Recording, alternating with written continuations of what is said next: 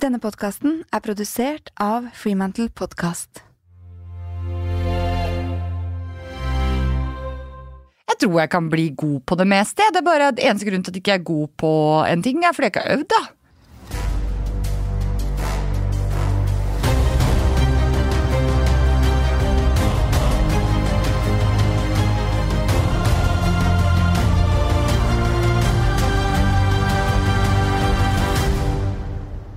Mitt navn er Cecilie Ystnes Myhre, og jeg jobber som mentaltrener og lederutvikler. I denne podkasten snakker jeg med mennesker som presterer på høyt nivå innenfor sitt område, og som deler verktøy og råd for at du kan få ut enda mer av ditt potensial.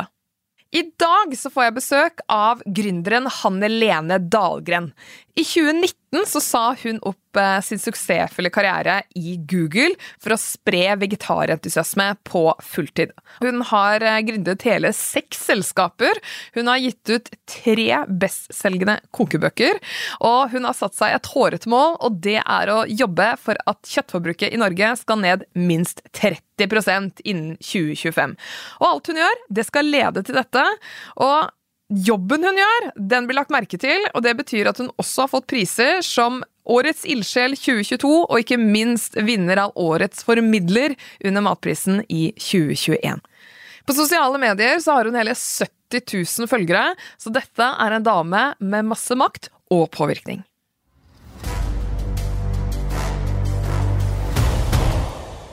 Velkommen til Grit podkast, Hanne Lene. Tusen takk. Du, dette har jeg gledet meg til, og som jeg sa før du kom på her i dag, jeg føler at jeg er eh, litt sånn avhengig av dine daglige Instagram-livesendinger, så jeg er liksom veldig inne i livet ditt og, og, kjenner jo veldig godt til deg, og det vet jeg veldig mange av lytterne våre gjør også. Men du må likevel forklare litt sånn, hvem er Hanne Lene? Hva er det du er lidenskapelig opptatt av? Altså, det jeg er lidenskapelig opptatt av, det er jo endring, egentlig. Og i eh, dette emnementet så er det å endre hvordan vi spiser. Jeg har i nå fire år jobbet fulltid for å få ned kjøttforbruket. Og det er ikke for å få det for det er det veldig mange som tror at jeg mener. Men det er for å få det ned til et nivå som vi kan leve med i fremtiden. Som gjør at vi kan behandle dyrene på den måten som de faktisk liksom fortjener å bli behandlet. For helsa vår og for egentlig alt. Så det jeg gjør, er jo Jeg har en stor Instagram-profil som nå nettopp har byttet navn til Hanne Lene Dahlgren, altså mitt vanlige navn. Den har hett Hanne Lenes vegetar i fire år. Og så jobber jeg egentlig med å få folk til å bli litt bevisste på både matvalg, men også på bærekraft generelt. Litt sånn klimakunnskap og sånn. Ja. Så det er vel sånn veldig heispitchen på hva jeg driver med. Ja, er det det jeg hører? At alt du gjør, skal lede til det øvrige målet? Det, ja. ja. Jeg satt meg altså, For å spole litt tilbake, så før jeg begynte med dette, så var jeg markedsfører og kommunikatør og analytiker, egentlig. Så jeg jobbet som analytiker i Google på Aker Brygge. Og da jobbet jeg jo med å få annonsørene i Norge, de aller, aller største, få på en måte hjelp av Google i Norge. Ellers så får alle egentlig ikke noe særlig hjelp, men eh, må gå til Dublin og sånn. Så vi var bare med de aller, aller største. Og jeg hjalp de med å analysere liksom, søkemønstre, hva som skjer i markedet. Jeg ga råd til Norwegian om hvilke type reisemål blir populært i fremtiden når vi ser på tallene. Altså den type analyse. Og det var en veldig spennende jobb, det er jo et av verdens beste steder å jobbe og alt, men likevel så fikk jeg liksom ikke noe særlig sånn omf for det jeg gjorde. Og jeg hadde på det tidspunktet blitt eh, vegetarianer selv, eh, og spiste da selvfølgelig mye plantebasert, og ville liksom vise alle andre at dette er også god mat. Så jeg snakket jo med Tine og med Norwegian og med uh, Oda.no, som da het noe annet, osv., osv., osv.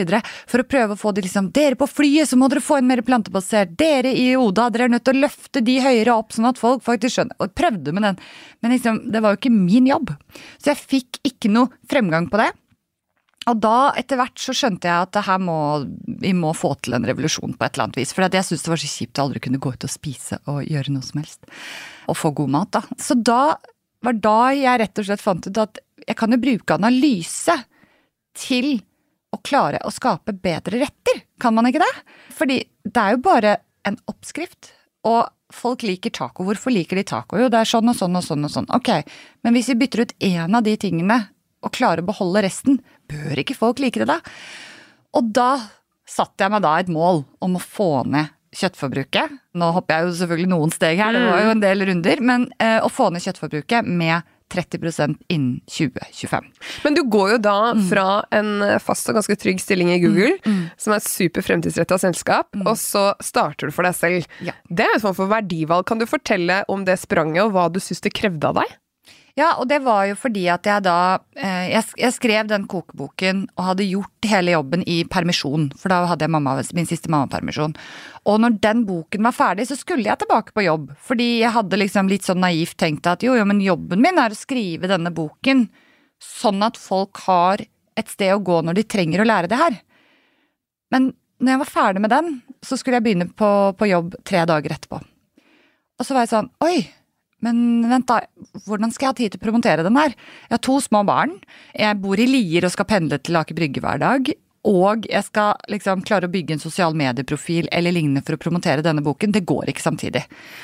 Og da ble både jeg og mannen min litt sånn Vi satte oss ned, og begge hadde syntes at denne, denne prosessen med den boken hadde vært veldig spennende. Og så hadde jeg alltid sagt at én gang så skal jeg ta et år fri hvor jeg bare jobber for noe som er bra.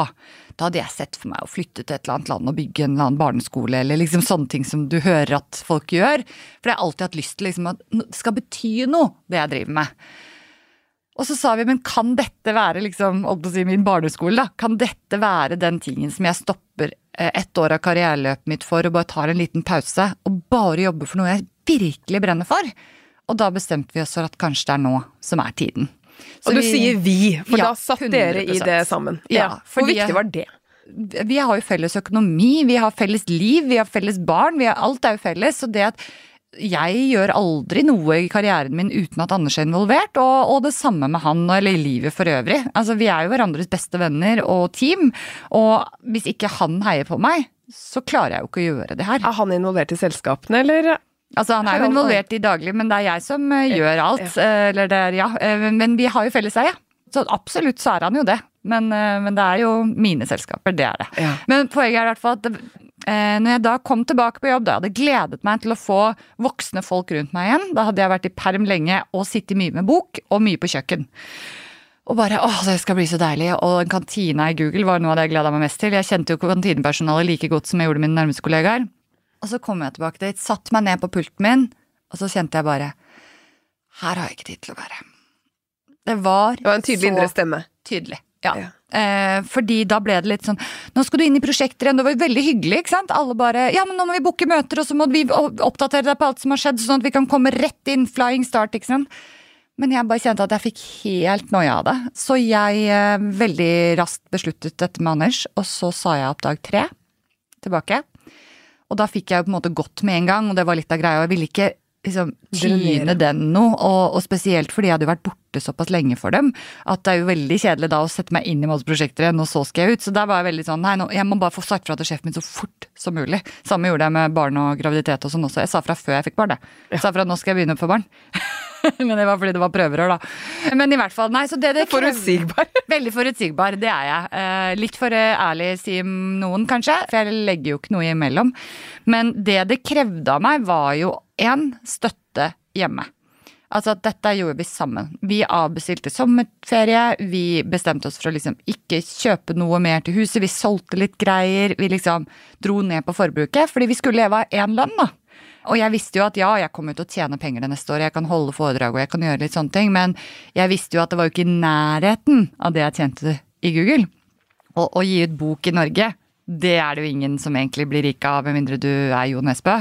Eh, Så derfor så var vi nødt til å gjøre det. Så den, det tror jeg er det aller viktigste. Støtte og tro på det hjemme.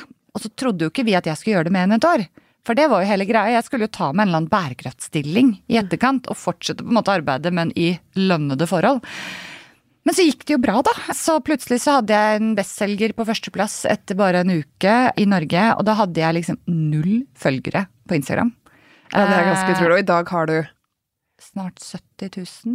Det er veldig mange. Det er veldig mange. Det er helt riktig. Det var jo aldri noe mål, og jeg visste heller absolutt aldri skulle bli noen influenser. For det er litt det samme som jeg sa da jeg var yngre òg. Jeg skal i hvert fall aldri bli vegetarianer. Ikke sant? Altså, det er jo samme sånn der konnotasjonene rundt at det skal jeg, så gæren skal jeg ikke bli. Mm. Men så innså jeg jo det at du må trakte å bli en influenser for å kunne påvirke. Det er å påvirke. Og når jeg skal påvirke folk til å redusere sitt kjøttforbruk, ikke nødvendigvis liksom kantine, matbutikker osv., selv om jeg også jobber med det, men mitt mål er jo å få folket til å være med på denne endringen. Da må jeg snakke til dem. Da må jeg snakke med dem, og da må jeg være tydelig influenser i sosiale medier. Ja, Men det er en del ting jeg hører her. Du, du sier du er veldig ærlig. Du er jo risikovillig her, da. Tidvis nesten for direkte, sier du, men opptatt av støtte hjemme. Jeg vil bare høre sånn mer Hvem er du? Altså, hva er dine sterkeste sider, tenker du? Nei, altså mine sterkeste sider Jeg har, jeg har noen gir som jeg vet at ikke alle har. Og det har tatt meg litt tid å skjønne. Fordi jeg vet at jeg har en drivkraft som Den brenner ikke så fort ut. Jeg holder på lengre enn andre uten å trenge pauser. Vil du si at det handler da om denne arbeidskapasiteten? At du har Ja. en enorm arbeidskapasitet? Ja, jeg har det. Kan bli, jeg blir sliten, absolutt, men jeg fortsetter, liksom. På de tingene som betyr noe. Men jeg er jo, jeg, jeg er jo veldig eh, målbevisst i form av at, som jeg sa, da, at jeg, jeg skal få ned dette kjøttforbruket. Og alle tingene jeg gjør, skal gå på det valget. Så det er et kompass for deg hele tiden? I, I uh, hvilke valg tar jeg, hva sier jeg ja til, nei til, osv. Ja. Ja, og det gjelder liksom når et TV-program spør vil du være med i dette, så er det sånn bygger dette her Hanne Lene som kjendis og blir sånn Se og Hør-aktig kjendis som viser livet sitt og alt sånn, eller klarer det å bygge at vi får ned kjøttforbruket? Noen ganger så går de hånd i hånd, men det er veldig ofte at man får stilt spørsmål om noe som egentlig handler om å bli bare mer kjent, og ikke egentlig snakke om det som er viktig. Og siden ikke jeg har tid til å gjøre begge deler, stort sett, så må jeg da velge den veien som jeg tror har mest effekt. Alltid vært målbevisst, eller noe som har kommet med erfaring og alder? Jeg tror ikke jeg alltid har vært målbevisst. Eh, Jeg tror jeg var litt sånn i opprør mot den delen i meg når jeg var yngre. Litt sånn komplisert å forklare hvorfor uten å gå i veldig lange liksom, barndomsgreier. Men jeg hadde veldig nære familiemedlemmer som trodde veldig på meg da jeg var liten. Altså jeg ble liksom fortalt at jeg kunne bli statsminister, jeg kunne bli president i USA, og, og jeg var liksom den smarteste toåringen i verden. Altså liksom litt den derre Bygge opp. Eh, bygge veldig opp. Men eh, det er ikke mennesker som jeg har i livet lenger nå, så det, det er ikke sånn kjempepositiv story, egentlig. Men likevel så tror jeg at den troen på meg selv, at jeg kan få til mye, tror jeg alltid har ligget der. Som igjen jeg tok opp litt seinere. Fordi at i barne- og ungdomsåra så husker jeg at jeg var litt mer sånn Ja, jeg vet jeg kan, men jeg gidder ikke å gi dem rett. Litt sånn rebelsk på det at jo, jo, jeg kan godt være elevrådsleder, jeg kan godt bli det. Men det gidder jeg ikke, for da får de rett i at jeg skulle bli det de tenkte at jeg skulle bli. De menneskene. Og det, det er litt sånn, kanskje litt flåsete eller vanskelig å snakke om på denne måten her, fordi det, man ikke går i så innmari detalj. Men, men når jeg reflekterer tilbake og ser hvorfor var jeg ikke liksom enda eh, mer opptatt av eh, å, å nå mål når jeg var yngre, så tror jeg det rett og slett handlet om at jeg hadde ikke lyst til å bli noe som jeg så på som noen som så ned på andre. Mm. sant? Det var en link du trodde var der. Ja, hvis du skal liksom bli, vise at du er så flink til alt mulig, da går du egentlig bare og tråkker på alle andre. Var litt Da er du ikke et godt menneske. Ja. Det er nok der, når du sier det sånn. Mm. For jeg tenker, her må vi ha mye mot med å gjøre det du For du har jo gjort veldig mange ting du ikke har erfaring med fra før av. Ja, nesten bare Ja, det er så innmari mye. Så jeg bare lurer på, er det motet du sitter med som gjør at du starter med seks selskaper eller en Instagram-profil, eller lærer deg et nytt verktøy bare for å liksom bygge deg som influenser, eller hva det er. Er det en oppsamling av erfaringer opp gjennom hele livet ditt, eller vil du si det er en personlig egenskap du bare alltid har hatt? Det er vel sikkert en blanding, men altså En ting jeg alltid har visst, da, det er at eh, Altså, jeg vokste opp med moren min alene. Fram til jeg var åtte, delte vi køyeseng. Vi hadde 50 kvadratmeters leilighet, og jeg husker ikke en eneste gang at jeg følte at vi ikke hadde noe. Jeg føler aldri at jeg liksom har levd på noe fattig måte. Og jeg vet at hun som alenemor, hun fikk meg da jeg var 22. Altså, det var ikke lett. Men hun har aldri gitt uttrykk for det. Så jeg tenker alltid sånn, hva er det verste som kan skje? Jeg kan jo bare kjøre taxi. For å, for å tjene penger, mener jeg, altså. Eh, ikke, ikke i stedet for å ha bil, liksom. Jeg kan bare betale til Nei, men du skjønner mener. Altså, jeg kan jobbe på matbutikk. Jeg kan jobbe i barnehage. Jeg kan gjøre Jeg kommer aldri til å ikke ha et sted å bo. Og jeg kommer aldri til å ikke kunne bo sammen med barna mine og mannen min, uansett hva som går skeis. Altså for meg er det Jeg har på en måte både en familie som har ganske mye midler, og en familie som ikke har det. Og jeg har vært på ferie med begge to, og det er ikke noe forskjell. Vi har vært liksom 20 stykker stua inne på en eller annen liten fjellhytte fordi det var en firmahytte til en eller annen sin jobb i den familien, og vi har spist taco med liksom ett skjell til hver, på en måte. Altså det, og det er like bra som de Italia-turene som den andre delen av familien har tatt. Så, så, det du sier er at det det har lært deg, det er å sette ting i perspektiv, og det gir deg driv og mot til å teste prøve. Ja, for det er jo ikke noe farlig. Og så er jeg ikke redd for at folk kommer til å synes at jeg gjør noe feil, fordi det syns de uansett hva jeg gjør. Så det har jeg lært. Hva er det du bygger det utsagnet på, for det var litt interessant. Ja. Nei, altså når du jobber med det jeg gjør, altså du, du prøver å skape en endring. Og eh, hadde det ikke vært en viktig endring vi prøvde å skape, altså da, da hadde du Hvis det ikke var viktig, så hadde du heller ikke fått motstand. Ikke sant? Hadde det vært lett å endre kostholdet til Norge, så hadde ikke jeg trengt å bruke fire år av livet mitt på det. I tillegg til at alle andre som jobber for det, selvfølgelig. Så du må få motstand, du må tråkke på noen tær. Når jeg sier noe om kvinnedagen, liksom, som jeg mener Bare et eksempel, så, så la jeg ut at jeg syns det er veldig dumt at vi bruker ordet 'gratulerer med kvinnedagen' og slenger det rundt oss overalt. Da blir en del mennesker provoserte, fordi de føler at jeg sier at de har sagt noe feil, fordi de kanskje sier det. Men hvis man skal få en endring og begynne å tenke over ting, og om det er klimadebatt eller kvinnedag eller kjøttforbruk eller hva det nå er, så er du nødt til å si noe som faktisk har motstand. Og da får du motstand, og da får du pepper, og du får drapstrusler, og du får meldt til barnevernet, og du gjør alle disse tingene, men du kan jo ikke ta det seriøst.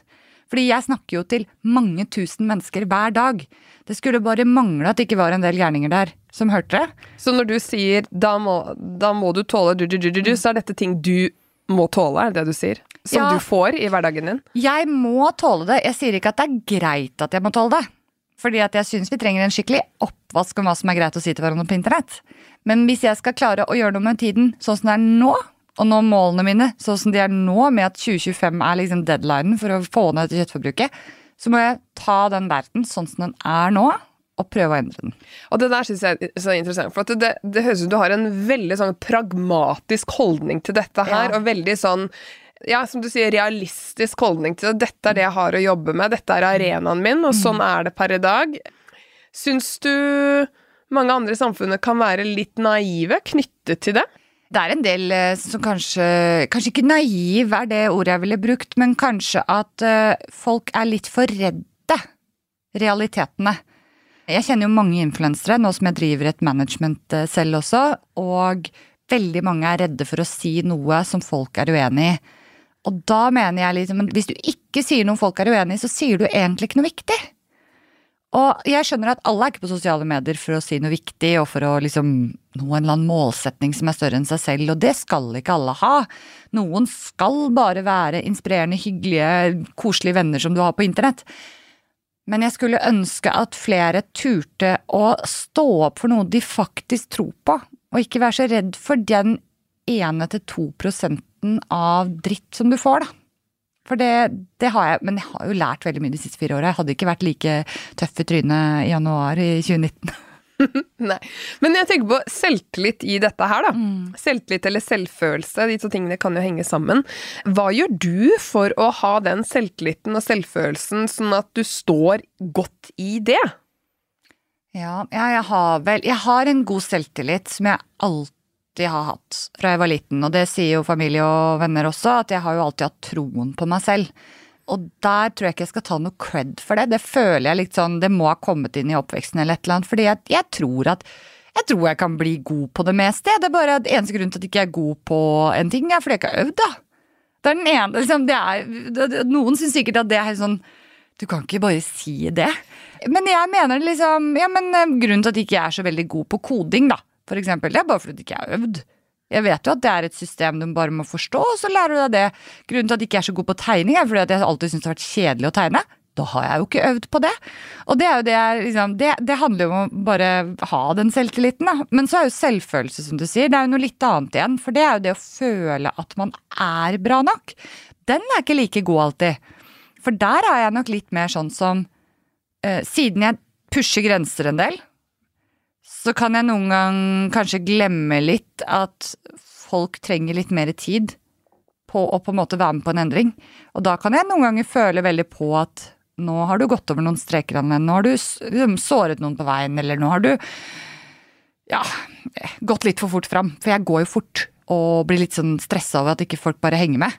eh, liksom, kom igjen, da. Og da kan det kanskje være mer selvfølelsegreie. At jeg kan, ja, kan, heller slite litt med det innimellom. Ikke noe stort, men ja, selvtilliten er høyest. Ja, du, klart, du eksponerer jo den da kanskje litt mer, siden du tar en del risiko. Mm. Så for å da liksom hente deg litt inn igjen, sånn at du føler deg i hvert fall tilstrekkelig trygg nok for å fortsette, mm, mm. kan du ta oss litt mer inn i hodet ditt på hvordan du da på en måte reparerer litt? Mm. Jeg har jo en veldig god støtte i min mann, da. Og han er ganske flink til å liksom Men herlighet, se hva du har fått til. Altså sånn, Du må du huske hva du har fått til her. Eh, så minn meg på det. Og så bruker jeg ganske mye rådgivere på ting når jeg er føler at jeg har gått over en strek. Eller føler ofte det var ikke helt bra. Nå skal jeg egentlig Skal jeg virkelig gjøre det her? Og det å få da råd og tips, det hjelper jo veldig. Men, men jeg vet ikke om jeg har noe sånn gode svar på hva jeg henter meg inn på, men jeg har målet, da. Det er der jeg liksom går tilbake. Altså Hver gang det er et veiskille, så er det liksom Ok, men pust, da. Hva er det du skal få til? Det har ikke noe å si om det prosjektet gikk litt dårlig, eller du brukte altfor mye tid der, eller hva som helst. Er du på den motorveien framover, eller er du ikke? Og er du på en sidespor, ja, men da må du rygge, da. Altså, jeg, jeg er jo veldig pragmatisk der, så jeg, jeg føler liksom at så lenge jeg husker det, og så lenge jeg har min mann og eh, venner og kollegaer som vet hva jeg skal få til, og som også kan si noen ganger kanskje ja, men det der, nå gikk du faktisk litt over streken. Det, det hjelper jo, for da føler du at de er jo her ennå. Mm, Sant? Det mm. går jo bra.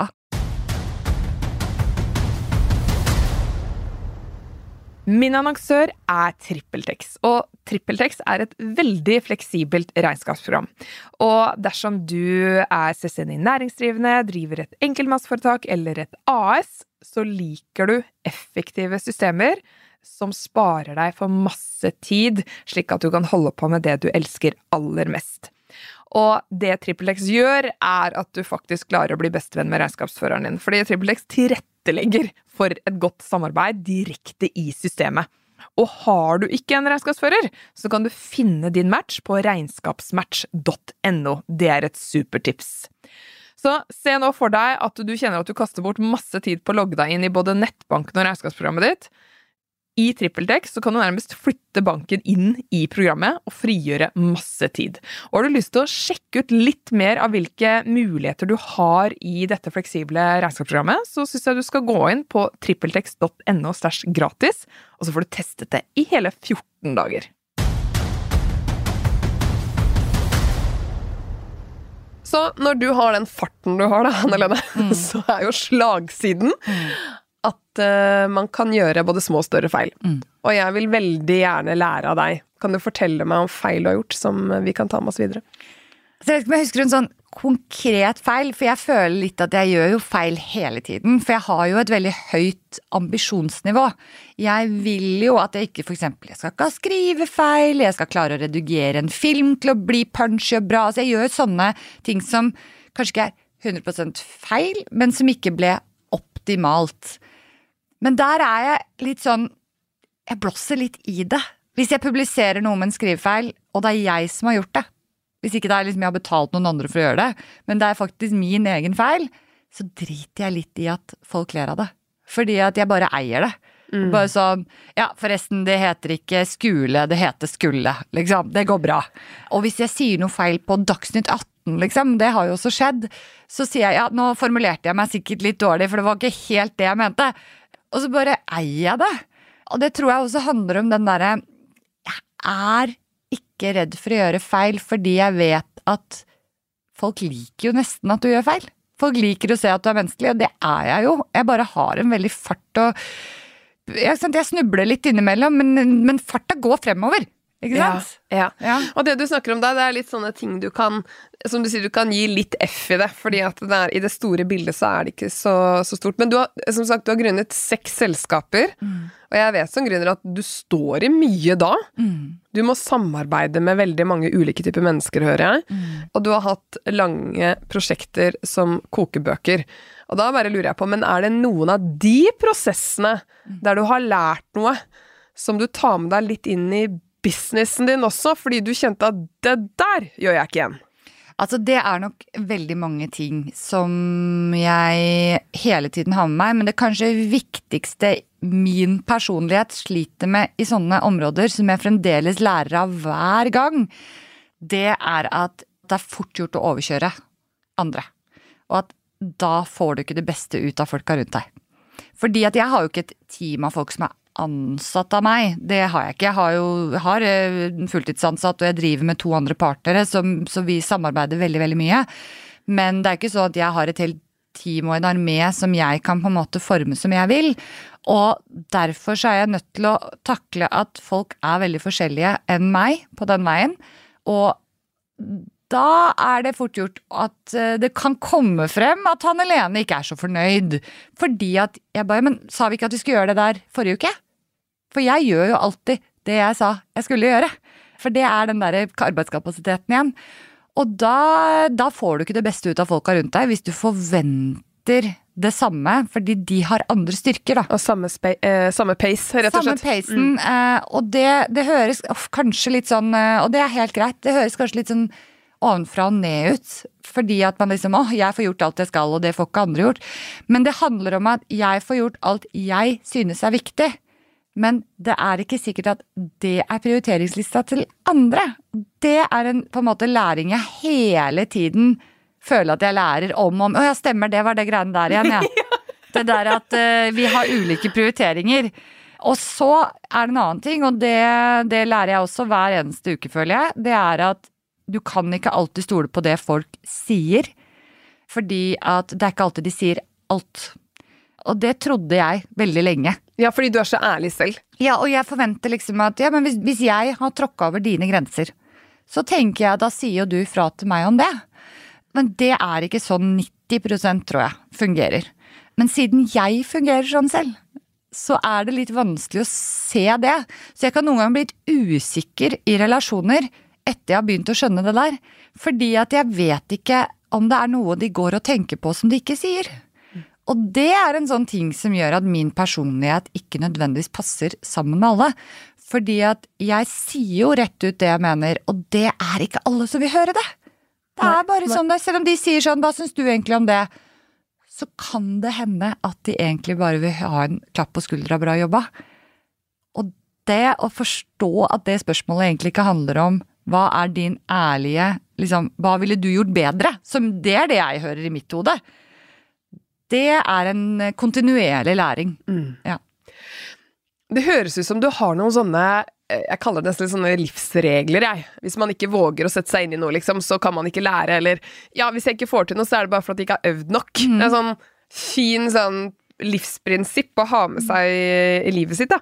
Har du noen andre sånne som mm. setter litt føringer? Ja, jeg har ett som jeg bruker eh, veldig mye, og det er eh, mitt motto for livet, egentlig. Og det er eh, vær ditt eget forbilde. Og det var i starten av denne reisen, tror jeg det var, så ble jeg spurt veldig mye sånn Hvem er det du har som forbilder, og hvem er det som har forbilder? Og så hele tida og lette etter liksom noen som skulle være perfekte forbilde. Og så innså jeg at eh, la oss si at du har eh, enten om du har Gunhild, altså Stordalen, eller om du har Oprah Winfrey, eller om du har Erna Solberg, eller hvem det er, eller en mannlig for den saks skyld. Så betyr det at hvis det er forbildet mitt, og de gjør noe jeg ikke er enig i, hva da? Så jeg begynte å reflektere litt rundt det, og så fant jeg ut at men hva om jeg heller prøver å være det forbildet som jeg helst vil være om ti år, da? Hva hadde den personen gjort? Så når jeg da igjen da står ved et veiskille og vet at jo, men ok, begge disse her tar meg til målet mitt, men hva ville forbildet mitt valgt? Hva hadde, liksom, hva hadde jeg gitt barna mine i råd, da? Ikke sant? Og da er det mye lettere. For da blir det derre enten pengene og statusen og alt det der, det blir mindre viktig. Fordi at forbildet mitt legger ikke så mye vekt på det. Forbildet mitt vet at vi kan kjøre taxi og bo i køyeseng. Og ha et tacoskjell. Nemlig. Ikke sant? Eller to, for nå er de blitt så billige. Men det er i hvert fall noe som jeg Jeg har jo to små gutter, og noe jeg jobber veldig hardt for at de skal forstå. Og de er syv og fem, så det er jo selvfølgelig en god stund igjen før de skjønner hele greia det der. Men det der å ja, men hvem er det du ser opp til? Hva, det, hva, slags, hva slags valg ville den personen tatt? Ville den operert seg fordi den var misfornøyd med et eller annet? Ville den ha synes at den var gått og skammet seg fordi den sa et eller annet, osv., osv. Og stort sett, så hvis man klarer å løfte blikket fram til liksom, hvem er det jeg egentlig vil bære, og hva er det den personen hadde gitt meg råd tilbake, så føler jeg at det distanserer den beslutningen litt. Så jeg synes vær ditt eget forbilde er en toppleveregel. Ja, det syns jeg var helt fantastisk. Du får både distanser, perspektiv, men også noen gode råd fra det perspektivet. Så veldig fint. Er det andre ting, mens vi er inne på temaet? Eh, andre sånne leveregler eller sånne Ja, som bare er litt sånn Kanskje som kommer som en følge av noen verdier du har, da, men som, hvor du merker Jeg tenker som så at du sitter sannsynligvis i ganske tøffe forhandlinger innimellom. Altså det er sannsynligvis ting du er litt nådeløs på, som følge av de prinsippene du har. Jo, en ting jeg har lært veldig mye av å være i dialog med liksom hundrevis av mennesker hver uke, det er at de aller fleste ønsker bare å bli hørt. Så jeg er jo mye i kommentarfelt. Ikke så mye der lenger nå, men det er veldig mange som kommenterer på mine ting. Og der får du jo så øra flagrer nesten uansett hva du gjør. Og det å da bare tenke at folk ønsker at du ser deres perspektiv, for det gjør man jo stort sett, men ofte så hopper man bare rett i motargument. Så det er veldig, veldig viktig å, å tenke hvorfor sier dette mennesket det? Og det gjelder om du er i en forhandling også. Skal du forhandle en reklamekampanje, og så sitter markedssjefen der, og så sier de ja, nei, men nå er jeg litt usikker på X, Y og Z. Så liksom, ok, hvorfor er denne personen så opptatt av de tre bokstavene? Eh, la oss se om vi klarer å forstå det først.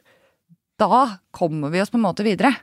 Og det er ikke lett. Fordi man, man tenker jo alltid på det man skal svare når noen sier noe. Så skal man liksom Jo, men det her er motargumentet. Her er det ikke sant? Men det hvis du klarer å senke skuldrene litt, og spesielt i kommentarfelt, og heller Ok, hva er det du kan forstå her? Og hva er det du så ønsker å si? Og det bruker jeg jo daglig. Så jeg hører fart og perspektiv og det å se hvor andre kommer fra, i stedet for å bare tenke på egne budskap som viktige ting. Men du, du må jo også være litt tålmodig. Når du møter på så mange mennesker, og i kommentarfelt, og det kommer repeterende spørsmål Jeg vet at veldig mange av de som lytter, det er jo også ledere som har mange medarbeidere under seg, og som får kanskje samme spørsmål annenhver dag, og man lurer på har du egentlig lytta. Så det er liksom gøy å bare høre fra noen som har en enorm pace. og elsker effektivitet. Ja. Hvordan du klarer å bremse opp også, og da pause og ha litt tålmodighet. Ja. Det skiftet der. Ja, og det er jo øh, den derre spesielt den øh, DM-en, da, altså den meldingsboksen man har når man jobber med sosiale medier. Der er det jo Der svarer jeg på mye av det samme hver dag. Men da er jeg jo igjen effektiv, da. Jeg har standardsvar. Og så justerer jeg de. Men ofte, spesielt når det gjelder mat, så er det vanskelig å ha standardsvar, fordi det er så innmari intrikate liksom, spørsmål. Selv om jeg også får spørsmål om kan jeg bytte ut gul løk med rød løk. ikke sant? Det får jeg flere ganger i uken. Og det er, det er helt greit. Men det som jeg synes er vanskeligst med tålmodighet, er egentlig de som, ja, som ikke lytter når du sier det første gangen. Og når du da prøver å omformulere det andre gangen og fremdeles ikke lytter, da sliter jeg, men jeg må puste. Men et triks jeg har, da, det er at spesielt i kommentarfelt, for det er jo det er mange der ute som ikke tør å si ting ordentlig på LinkedIn, de tør ikke for de er redde for disse kommentarfeltene. Da har jeg et tips, og det er Du vet at det er 99% av de som er på internett, de leser kommentarfelt. Det er bare 1% som deltar. Det betyr at det er en ganske spesiell gruppe, meg inkludert, som, som, som tør og ønsker å si noe så offentlig som kommentarfeltene er. Og resten, de bare lytter. Og da er det sånn, hvem er det du skriver for? Jo, jeg skriver for de 99 prosentene, jeg. Ja. Så når noen sier noe som ikke er positivt, selv på mine egne poster, altså det er samme hvor det er egentlig, så tenker jeg alltid hvem er det jeg svarer for nå? Jeg svarer ikke for å endre personen, jeg svarer sin mening. Jeg skriver for å løfte et tema til de 99 prosentene. Og det er jo en mulighet til å kunne forsvare noe som er ganske viktig. Og det gjelder spesielt i klimadebatten, da, for ja. det er så mye klimafornektere i kommentarfeltene, eller som driver med thinkwashing, som er en av mine liksom, pet peeves akkurat nå. Altså dette med å at hver gang vi skal løse et problem, så kommer det inn noen og overkompliserer spørsmålet, så du blir helt lamslått. Det er det veldig, veldig mye av i klimadebatten. Ja ja, men hva med de artene som bor på sone tre utenfor Oslo sitt vann der borte, da? Skal de bare dø, de, da, fordi at du spiste litt mye gulrot? Altså, det kan bli sånne helt absurde sammenligninger. Og da er det så viktig å ikke svare på de absurde sammenligningene, men å sette perspektivet der de 99 trenger å se det fra. Og da klarer jeg å være tålmodig. Fordi at egentlig så er jeg irritert på det mennesket som skrev det, eller liksom herlighet, skal vi virkelig ta den her igjen? Men hva vil de 99% Hva vil gjøre at de kommer ut av dette kommentarfeltet med en litt bedre forståelse av det jeg prøver å formidle? For det er tross alt det jeg prøver på. Overtale mm. de til å høre på meg. Mm. en veldig god teknikk. Ja.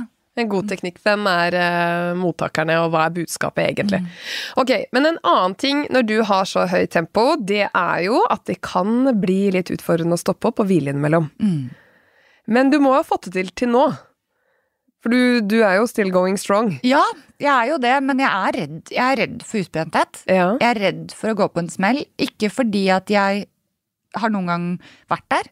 Jeg trodde jeg var det en, eller var vel tre dager, hvor jeg bare sånn Jeg følte meg syk uten å være syk. Jeg følte meg livsgnisten var borte. Alt var borte, og jeg ble så redd. Bare, Hæ, er det dette alle har snakka om?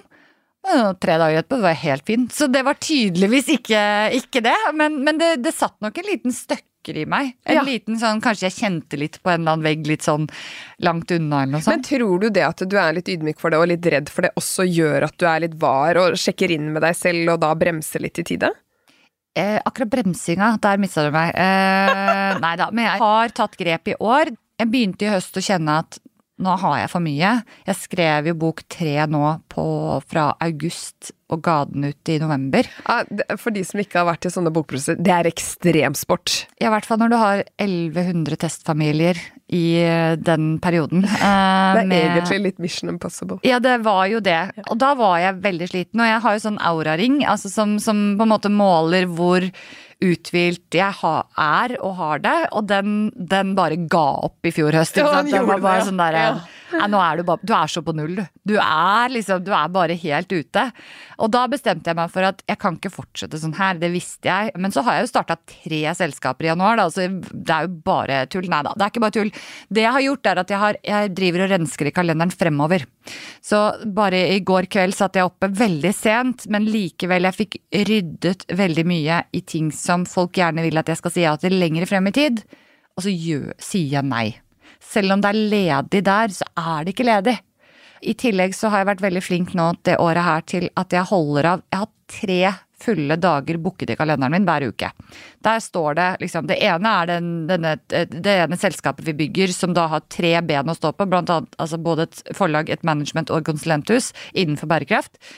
Som jeg da er styreleder og daglig leder og skal liksom holde dette her. Det er en hel dag som hvis jeg er nødt til å booke inn et møte da på den dagen, så ser jeg jo i kalenderen at ja, da må jeg flytte den tiden. For jeg vet at jeg trenger minst én dag til det. Og samme gjør jeg med å lage innhold sammen med mine ansatte. Da må vi ha en hel dag til filming på kjøkkenet mitt, ellers så går det ikke. Vi er nødt til å kunne filme i hvert fall tre ting hver uke. Og så har jeg én hel dag som jeg nettopp har begynt med nå, som heter prosjektdag. For jeg har jo så mye prosjekter, og de kan jeg ikke bare pushe til kveldstid. Og da er det egentlig bare to dager igjen hver eneste uke Som kan være til sånne ting som podkast, intervjuer, eh, plutselig en lunsj med noen som du ikke har sett på lenge. Alle de tingene som gjør at det går kanskje litt bedre opp i år. Men det er nok fremdeles litt for mye tett i kalenderen, altså. Det er det. Men, men jeg liker jo å få til ting. Ja. Masse mestring.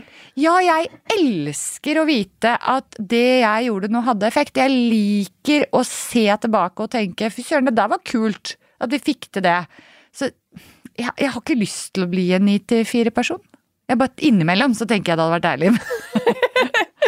Ja. Men Men det du, meg ikke. om ti år, hva ser du tilbake på da?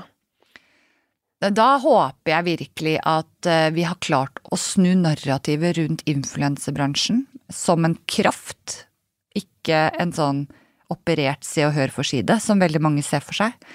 Eh, Jeg håper at eh, jeg ikke lager en eneste oppskrift noe sted noen gang igjen, fordi det ikke trengs. Fordi at alle har skjønt at veggismat er godt og kan spise det tre-fire ganger i uka uten at eh, noen andre shamer de for det. Og jeg håper at jeg leser litt mer bøker, egentlig. For det er en sånn, det er en sånn drøm jeg har, som jeg aldri tar meg tid til.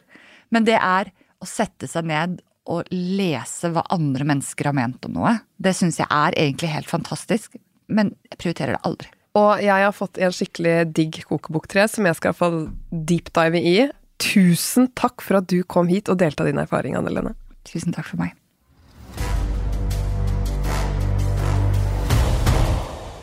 Det er mange ting jeg faktisk sitter igjen med etter eh, samtalen med Hanne Lene. Men det er kanskje spesielt fire ting jeg tenker at eh, både jeg og du kan tygge på fremover for å kanskje våge litt mer, gå utenfor komfortsonen, og ikke ta ting så alvorlig alltid. Eh, Jeg hører for det første at Hanne Lene er veldig god på å søke støtte fra ektemannen sin og fra rådgivere når hun trenger et pust i bakken for å rett og slett bare rekalibrere og stå på fremover. Det der å be om hjelp igjen, key, hører jeg. Det andre er at hun, som veldig mange andre i Grit-intervjuer og samtaler, eh, er eh, god på å sette ting i perspektiv. Hun har en fortid som gjør at eh, hun vet at hun trenger ikke legge alt i prestisje eller penger eller suksess på denne arenaen. Hun kan klare seg med mindre, og det perspektivet hjelper henne til å fortsette å tørre å ta risiko. Eh, Det tredje er jo, som jeg virkelig hang meg opp i, da, det var hennes tips om å tenke rundt eh, når du er i tvil på hvilket valg du skal ta, eksempel. Hva ville din rollemodell gitt deg av råd i denne situasjonen? Som hun sa, det skaper litt distanse til situasjonen, og du får faktisk noen gode perspektiver og råd. Eh, og det fjerde, som jeg også bare kjenner igjen en sånn trygghet rundt, det er hvor viktig det kan være det å ha et tydelig mål eller visjon i livet. Det har rett og slett en ganske sterk påvirkning på enten det er ukentlige prioriteringer, i Hanne Lenes eh, tilfelle, til hvilken kamper er det hun er villig til å ta og ikke. Så mål og visjoner, uansett hvor tydelige eller fluffy de måtte være, kan være et stort og viktig kompass når vi skal velge hva vi ønsker å sette fokus på her i livet. Neste uke kommer det en ny og spennende gjest. Velkommen tilbake.